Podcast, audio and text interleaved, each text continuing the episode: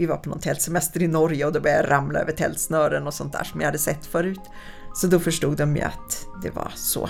Jag satt och tänkte sådär, jaha, så det här skulle inte kunnat hänt någon annan. Eh, och det var liksom första gången jag, jag vet att jag blev medveten om att, att jag inte såg att det var något speciellt. Det är ju liksom, de, i de flesta vardagssituationer är man själv, så man behöver andra att spegla sig i och som man kan prata med direkt liksom. Hej och välkommen till ett nytt avsnitt av Idéburen välfärd. Idag ska vi lyfta ett ämne som sticker ut lite och som vi inte pratat om tidigare. Nämligen att leva med en funktionsnedsättning och mer specifikt att vara synskadad. Vi ska prata om hur det är eller hur det var att växa upp med en synskada i en tid då tillgänglighetsanpassningen inte är lika utbredd som idag. Och hur viktigt det är att ha personer runt omkring sig och möta människor som även förstår vad man går igenom och som man kan dela någonting med. Vi pratar även om hur en rättighet inte är något som man har, utan något som kan tas ifrån en och som vi alltid måste stå upp för och kämpa för. Jag heter Jonna Ekdahl och kommunikatör på Skyddsvärnet vars podd du nu lyssnar på. Gillar du podden så tipsa gärna dina nära och kära så att fler hittar hit och glöm inte att följa podden på till exempel Spotify eller podcasterappen där du även kan lämna ett betyg. Men nu säger jag hej till veckans gäst som är Tina Nomi Södergren.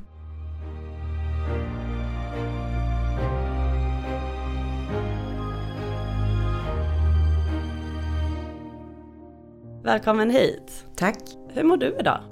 Åh, bra. Det har ju blivit vinter igen. Det är så här värsta aprilvädret.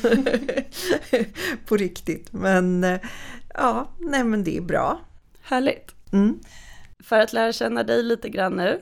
Mm. Vilka är de tre viktigaste sakerna i ditt liv? Oh, det där är jättesvårt. Eh, Jag skulle säga att min familj är nog det viktigaste jag har. Min släkt och mina vänner. Ehm, jag tycker att det är väldigt viktigt vem man har omkring sig, människor. Och det som är viktigt också för mig, det är att jag är född i Sverige och nu i den här tiden eh, när det faktiskt finns ganska mycket välfärd i samhället och när man ändå kan få eh, stöttning och hjälp och så eh, med olika saker.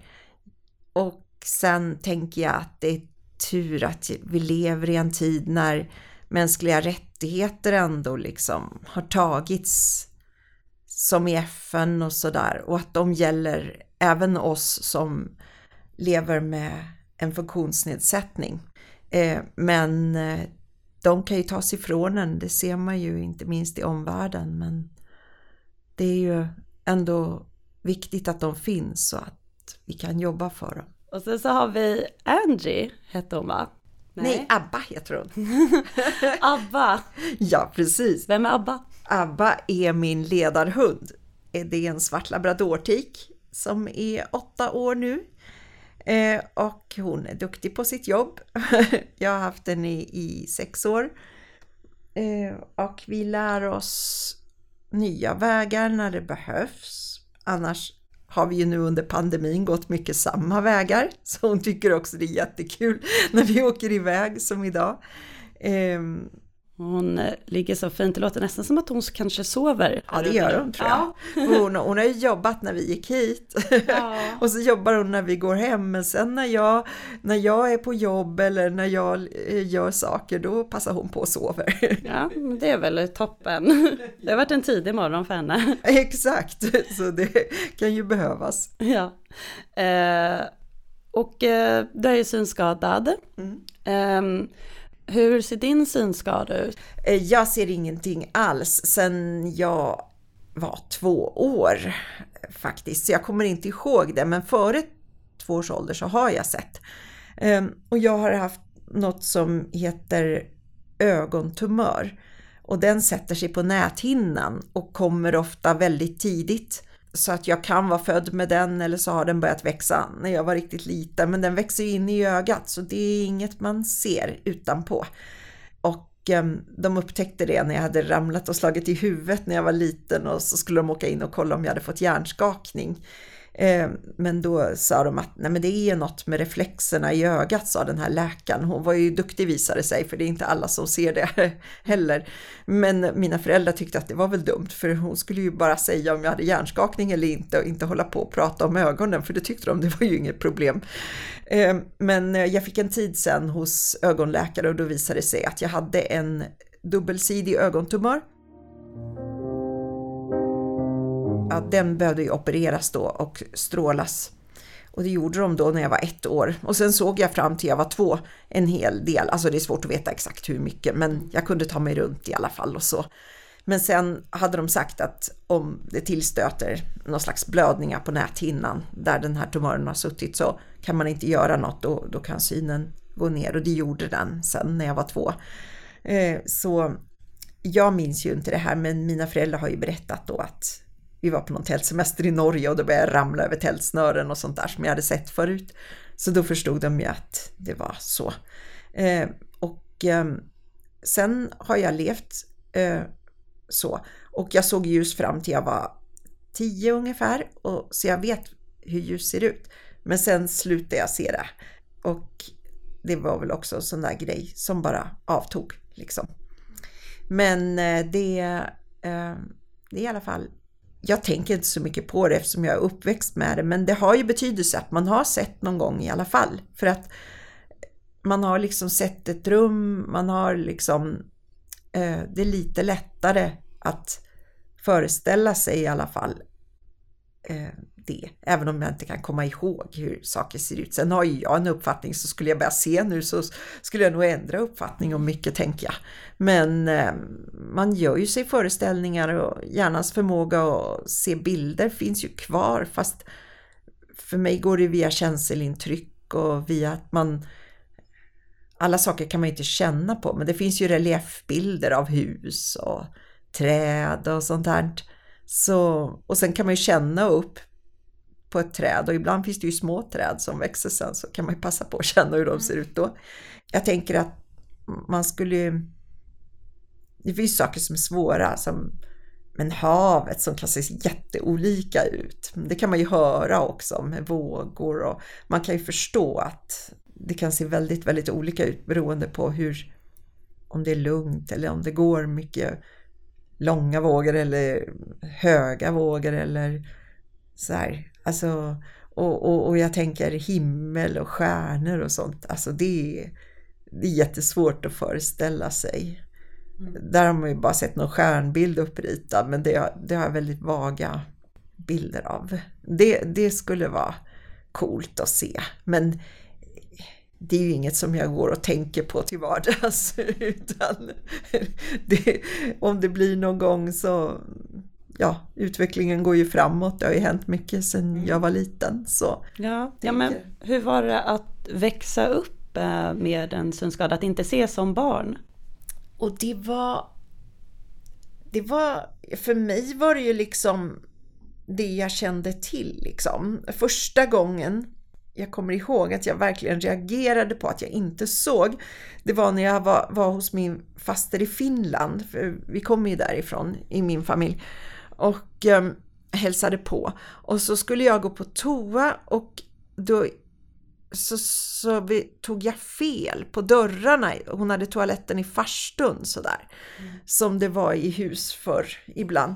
Och så tog jag källardörren istället så jag ramlade ner för en sån här trappa, äcklig så här cementtrappa.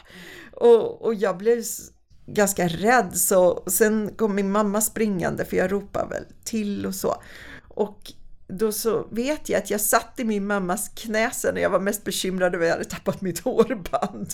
Så det var det. Men, men då sa mamma så här, det här, det här skulle aldrig ha hänt hemma för hon hittar jättebra hemma. Jag var så här tre år och så, och så sa hon att, det, att hon tog fel på dörr bara liksom. Och, och då var jag inte beredd på att det var en trappa så det var därför jag ramlade.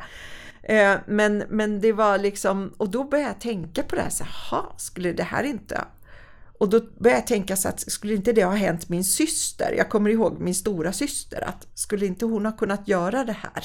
Mm. Att jag liksom minns att jag satt när mamma pratade med min faster och de andra som var där, så minns jag att jag, jag satt och tänkte sådär, jaha, så det här skulle inte kunnat hänt någon annan.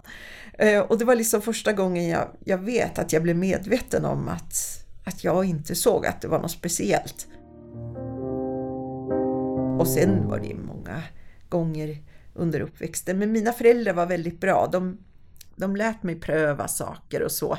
Jag hade en bästa kompis och hon och jag, eh, vi är såna här riktiga sandlådebästisar. Vi blev så här bonda redan där i sandlådan och sen eh, så växte vi upp på samma gård där i hyreshuset bodde i samma hus. Så jag vet att hon tyckte att jag skulle lära mig cykla. Jag hade ju bara en trehjuling Eh, och, och, och, hon hade ju lärt sig cykla då på, på en sån här vanlig liten tvåhjulig cykel. Och så sa hon att vi skulle binda ihop cyklarna så vi kunde cykla lite snabbare och cykla längre. Och det där visste ju inte våra mammor att vi gjorde. Det var väl tur, för det var ju ganska vanskligt. Vi cyklade som galningar där. Men, men men det var ju så här, alltså, nej men jag kände att jag hade en, en bra barndom. Så hade jag ju en syster, det skilde inte så mycket. Hon läste mycket för mig. Hon var, hon var jätteschysst. Så liksom, jag kände att jag var med eh, väldigt mycket. Det som blev skillnad var när jag skulle börja skolan, för då började jag på Tomtebodaskolan. Det var fortfarande så då att såg man ingenting så skulle man börja där. Så då skulle jag ju flytta upp till Stockholm. Jag kommer från Oxelösund och det var ju så här inte så kul när man var sju och flytta hemifrån.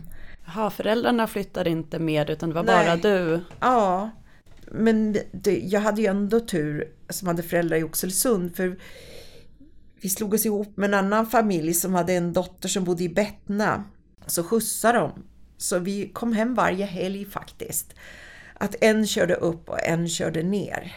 Um, så det var verkligen otroligt, tänker jag, att de, de gjorde det redan på den tiden. Mm. Och jag vet att de sa till på Tomteboda till och med att ja, men ska ni inte lämna henne här så vänjer hon sig liksom, så hon var. Men de var så här, nej men vi kör, vi kör så när det går. Så det var, det var ändå bra. Så jag hade det väldigt bra i förhållande till barn som kom typ från Norrland och så här, de kom ju bara hem på loven. Mm. Jag minns så sorgligt, kille, två killar som satt och grät på sängen med sin bandspelare. De var så här, men typ sju och åtta. Och så kom de på hösten och så visste de att de skulle inte komma hem förrän liksom till höstlovet. Och det var så här, usch. Det, minns jag att det, det tog tag i en sådär. Annars var det ju bra på Tomteboda att man fick ju lära sig mycket och, och fick lära sig punktskrift och fick ju synskadade kompisar. Det hade jag ju inte haft förut. Hur, eh, hur ser du om, eh, hur har utvecklingen gått? Hur tror du att det var att växa upp som barn eh, då när du gjorde det och mm. vara synskadad från hur det är idag? Ja, idag så blir ju de flesta, allra, allra flesta blir alltså de, de flyttar aldrig iväg till en specialskola. Det finns kvar en specialskola i Örebro för barn med flerfunktionshinder och synskador. Och då är det oftast så att man kanske flyttar dit när man går i mellan och högstadiet. Kanske. Det, det är den stora skillnaden skulle jag säga, att man börjar i sin skola hemma då och går inkluderad eller integrerat liksom i en vanlig klass. Det är ju bra, för då behöver man ju inte liksom flytta hemifrån. Så jag tänker att det är ju liksom, det är ju så det ska vara. Så man bryter ju inte med, med familjen på det sättet som det blev då ändå för många. Att man ändå bodde borta väldigt mycket under lång tid. För en del blev ju inte liksom integrerade förrän kanske på högstadiet. Och en del gick alla tio åren på Tomteboda och sen flytta hem. Och då hade man ju i princip, ja men en kompis till mig som, hon är från Tyskland men hon har gått på en, en blindskola i Tyskland i alla, i alla tio år då. Och hon sa ju att, ja men allt viktigt under min utveckling, då var jag inte hemma. Då var jag på skolan. Så liksom, hon sa att det märks att du har växt upp med dina föräldrar, för hon mm. följde med mig hem. De, de känner ju dig och de har liksom varit med dig under alla de här åren. Och det var väl också det här att de fortsatte hämta hem mig också då varje helg. Att jag, jag tappade inte det där sambandet med hemma. Så det tänker jag är, är bra att barn inte behöver utsättas för idag. Mm. Men sen tänker jag att jag har ju haft jag har jobbat som ombudsman också haft barnläger och varit ledare på barnläger. Vi brukar blanda så att man har både synskadade personer inom Synskadades riksförbund när vi gör barnläger och, och ungdomsläger och, och sen har vi seende lägerledare förstås, det måste vi också ha. Mm. men bara för att man ska få förebilder. Och då vet jag till exempel att eh, jag skulle, då hade vi olika rum då och olika personer och jag hade några tjejer som var så här, ja men 10 till 12 år. Eh, och så, så skulle vi packa upp deras grejer och så. Och så på morgonen så, så sa den där tjejen så ja men ta fram min röda tröja och jag bara, men du, jag ser inte heller så. nu måste vi kolla här, hur, hur, har du packat din väska? Vet du inte vilken, din, vilken tröja som är röd? Känner du igen den på något sätt? Mm. hon var så här, ah. Och så sa jag, ja men vi, vi ropar inte på någon som ser nu på en gång utan nu försöker vi här. Så börjar vi liksom gå igenom hennes kläder. Så först, ja var är, var är tröjorna? Och så här, ja, mm, har du något system? Har du packat på något sätt? Har du lagt dem på någon viss sida? Eller? Ah, det var mamma som hade packat oss och det var inte sådär. Eh, och det är alltså, det, jag förstår mamman, jag, jag packar också mina ungars väskor men Eh, det är liksom, det är här man kan hjälpa varann och liksom hitta lite tekniker. Alltså att jag berättar för henne hur jag gör. Och om, om jag har tröjor som känns likadana, t-shirtar till exempel, kan ju vara svåra att skilja på med färg. Det finns ju sådana här färgindikator och så här som man kan ha en grej att trycka på. Alltså på en knapp så säger den typ röd om det är en röd tröja. Eh, men den, den är väldigt bra i alla fall. Man kan i alla fall få fram både när man ska tvätta som vuxen och inte blanda färger för mycket. Och ehm, då pratar vi om det, både en sån där färgindikator och sen pratar vi lite om hur vi kunde lägga hennes tröjor så att hon kunde hålla bättre ordning på dem och de hon var säker på och de hon var osäker på och sådär. Och ja, och sen tror jag till slut att vi fick hjälp också att konstatera att det var den röda tröjan vi hade hittat. Mm, ja, ni hittade den i alla fall. Ja, ja, eh, men vi fick ju fråga så att vi var säkra. Men det var, det var lite så här bra och då, då tänkte jag på det att när man växer upp i en familj och är, oftast är man ju ensam som inte ser då i en familj. Så, eh, så är det ju liksom en utmaning att hitta tekniker och människor hjälper ju till för att det går snabbt och, och så men sen så fort man åker iväg och så där så måste man ju klara sig. Och då, då måste man, så det är liksom de här lägren är både att man gör roliga saker ihop och sådär men det är också så att vi ja, men hjälper varann och, och ger lite tips om saker och hur man kan tänka och sådär.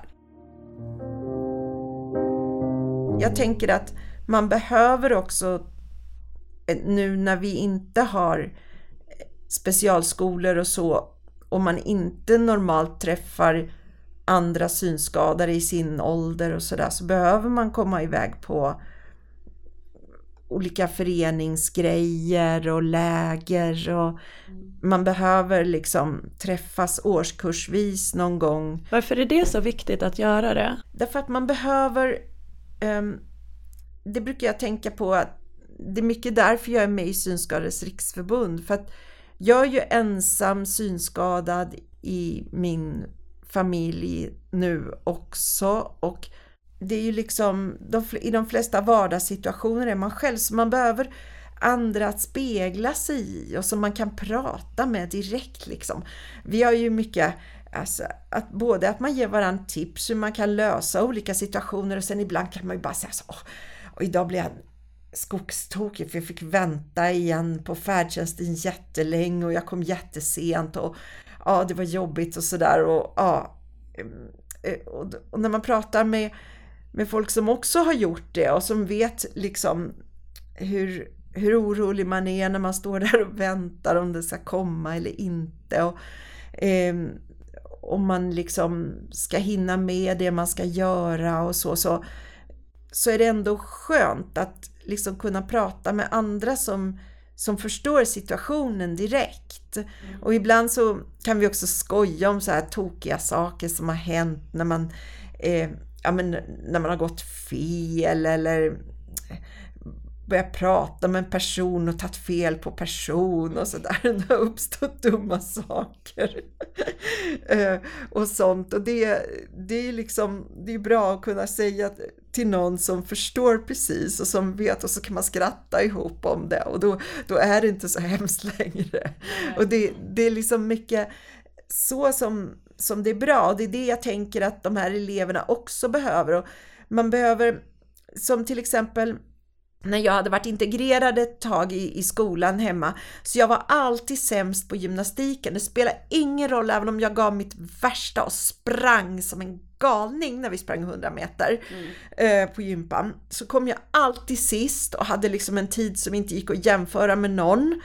Eh, därför att det är svårt att springa exakt rakt på och springa liksom, ge järnet. Mm. Eh, så eh, därför fick jag alltid en sämre tid och jag hoppade kortast när vi skulle hoppa längdhopp, även om man hade så här, ingen sats utan att man hoppade direkt från plankan.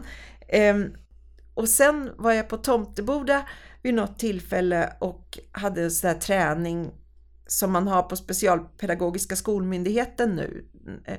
Ehm, och då, då, hade vi, då var jag med på en idrottslektion där med jämnåriga personer. Och, och det var så roligt för då kunde jag liksom vara med och, och tävla, alltså på riktigt. Att jag kände att wow, jag var inte sist liksom. Jag kom liksom, ja men jag vet inte, två eller tre eller någonting. Men alltså att jag ändå kunde jämföra mitt resultat. Mm. Och det, det, var så roligt. Och så hoppade vi längdhopp också. Och, ja, det var likadant. Att, att det var i alla fall ett helt okej okay resultat liksom. Så det, och då tänkte jag, men gud, jag är inte sämst på det här. För jag hade börjat tänka så. Att ja.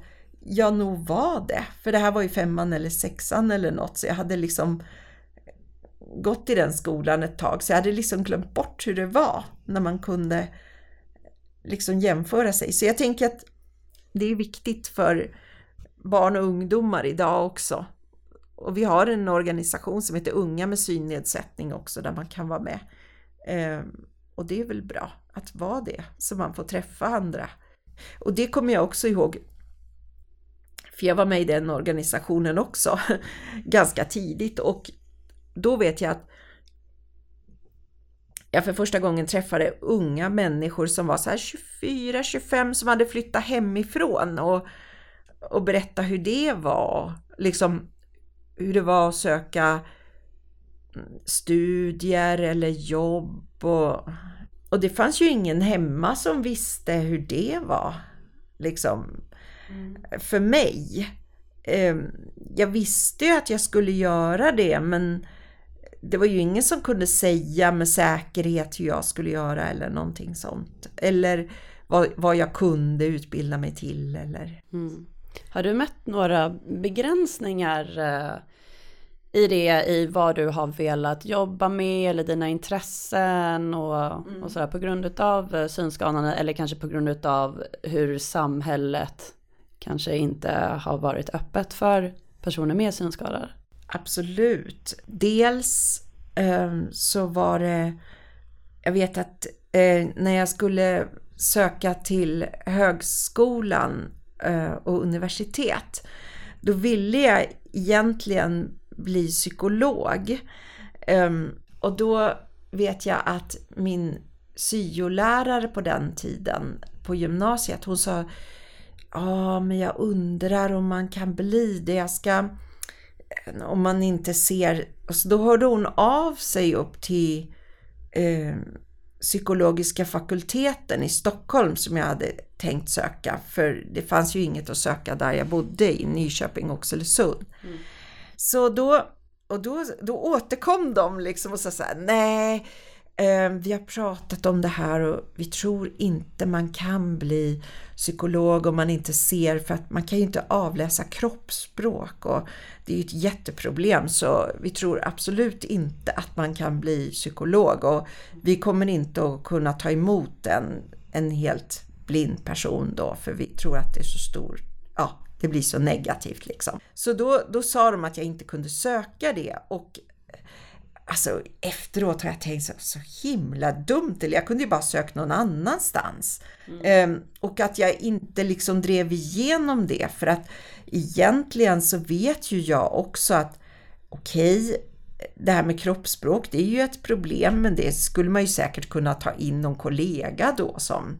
observerar kroppsspråk om det var viktigt. Men jag tänker också att jag många gånger kan höra på röster och så på ett sätt som jag tror att andra inte gör. Eh, därför att jag är så van att använda hörseln och eh, därför att jag också är van att liksom tolka människor. Så att jag tänker att jag har andra färdigheter och att det inte, alltså det är väl inte alltid man bara måste jobba med terapi, man kan ju jobba med psykologi på, på många olika sätt och mm. kanske jobba på ett sätt som där man inte behöver eh, tolka kroppsspråk hela tiden. Så jag, jag tänker att eh, det var synd att jag, att jag tog det där, att jag inte genomdrev det. Men eh, jag sökte juristlinjen sen och kom in. Eh, så jag läste juridik istället och det här vet jag att det fanns synskadade som hade gjort. Eh, så där fanns det inga sådana begränsningar då.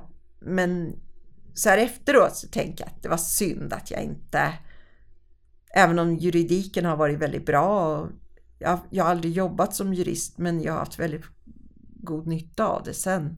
Eh, när jag har jobbat både med föreningsliv och i mitt yrkesliv så har det varit eh, en bra grund det är dumt ibland att man släpper så där tidigt. Man ska kämpa för saker. Och nu vet jag ju flera synskadade som har läst på psykologprogrammet. Så det är roligt att ja. det i alla fall har öppnat upp. Vad är det för någonting som eh, du tror att, eh, för du jobbar ju, och det har vi inte pratat om, men du jobbar ju, har jobbat en hel del och varit väldigt engagerad i mänskliga rättigheter, mm. Eh, jämställdhet, ehm, också för inkludering för personer med eh, funktionsnedsättningar. Tror du att du hade haft det, det med dig om du inte hade vuxit upp med synskada och till exempel då att du inte fick eller blev rekommenderad då att helt enkelt inte söka till att bli psykolog? Ja, nej, jag tror faktiskt inte. Det är ju så svårt att veta hur man hade blivit, men eh, det vanligaste yrkesvalet som man läste vidare till där jag bodde i Nyköping och Oxelösund, det var väl till sjuksköterska. Och jag antar att jag hade blivit något sånt då, om jag hade sett. Eh, eh, och, och börjat jobba i, med det. Eh, men jag vet ju inte det. Det kommer jag ju aldrig att få svar på. Nu var jag ju tvungen att på något sätt tänka till lite mer för att de jobb som fanns i Nyköping och Oxelösund om man skulle jobba på lasarettet eller i affär eller så här, då var man ju tvungen att se. Ehm, så att det, hade, det var liksom inget alternativ för mig utan mm. jag behövde läsa vidare. Och sen tänker jag så här att sen har jag ju kommit då, hela mitt liv har jag faktiskt, jag har jobbat med mänskliga rättigheter på olika sätt. Både i Sverige och, och när jag har jobbat inom biståndet så har det ju handlat väldigt mycket om det. Ehm, men det är det har hela tiden haft koppling till funktionshinder och personer med funktionsnedsättningar. Och jag jobbar nu också med barnrätt för jag, jag, är, jag är med i styrelsen i Unicef Sverige. Och det är jättespännande och intressant. Men där också så, så handlar det ju väldigt mycket om att, att jag tänker mycket på ja, de här agenda, agenda 2030 de globala målen att ingen ska lämnas utanför. Så det, och det blir ju mycket också barn med funktionsnedsättningar som man tänker på. Både i flykt, i krig och katastrof eh, som nu med Ukraina och alltså vad som händer med barnen som har funktionsnedsättningar och som är på institutioner eller som, eh, som finns kvar där. Eh, och, och vad som händer om man kommer med på flykt och så, var man får hjälp och så. Vi ska strax börja runda av, men eh, först en fråga om hur, hur det ser ut i Sverige och vilken utveckling vi skulle behöva göra i samhället för att vara mer inkluderande och för att underlätta för personer med funktionsnedsättning, men främst nu om vi pratar med synskada. Det har ju hänt väldigt mycket positivt. Ehm, jag tänker liksom på tillgänglighetsområdet. Vi kallar för tillgänglighet när ja, men när man kan åka i tunnelbanan och det till exempel är utrop. Och sen ser man ju också en text, så det är ju jättebra om man till exempel är döv eller hörselskadad och inte hör utropet så kan man ändå se det. Och personer som kan både se och höra, de får det på två sätt, så då behöver man inte um, vara så orolig, man kommer av där man ska. Men det har ju blivit en otrolig förbättring när jag flyttade till Stockholm så började jag använda tunnelbanan mycket och lärde mig det. Men då fick man ju sitta och räkna stationer. Och det var ju bara ibland som chaufförerna ropade ut fast vi jobbar jättemycket med det. Mm. Nu är det ju satt på GPS så de behöver ju inte göra det utan mm. det kommer ju automatiskt. Och det är så mycket skönare. För Alltså det var ju många gånger man skulle åka långt så tappade man bort sig. Eller de stannade och man var osäker på, aha, var det en station eller var det, ja, ah, du vet, är det bara ett stopp? Um, och sådär, så det, det har blivit mycket, mycket bättre. Och jag tror att det är ju bättre för alla att vi har både utrop och en, liksom, att man ser. Uh, och sen så tänker jag att liksom till exempel när jag har hunden, då kan jag inte åka leda hunden. Då kan jag inte åka rulltrappor, då måste jag åka hiss eller gå i vanlig trappa. Och då måste man ju ta reda på om det finns på alla stationer. Men det är ju bra för även personer med barnvagn och rullstolar och jag menar alltså att man bygger ut så att det finns hissar, att det finns alternativ.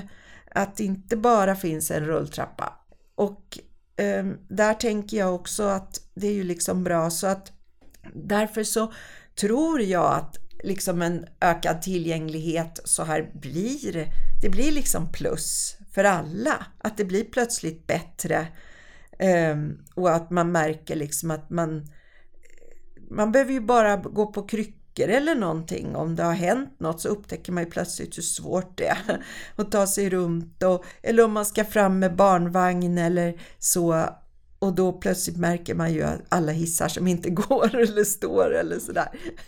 Och hur störd man blir på det.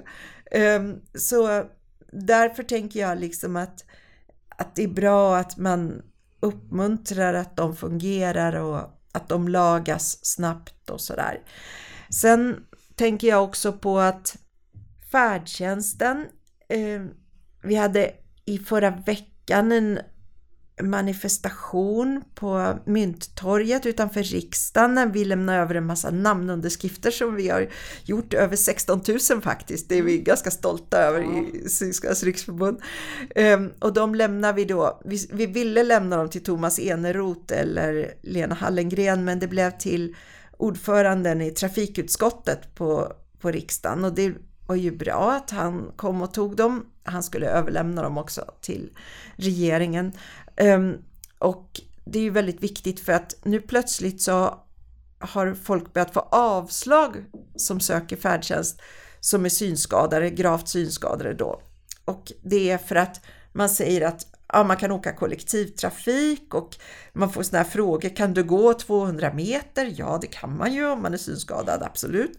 Men mitt problem är ju alltså, åt vilket håll jag ska gå och också hitta i liksom från kollektivtrafiken när jag kommer fram, hitta till ett ställe.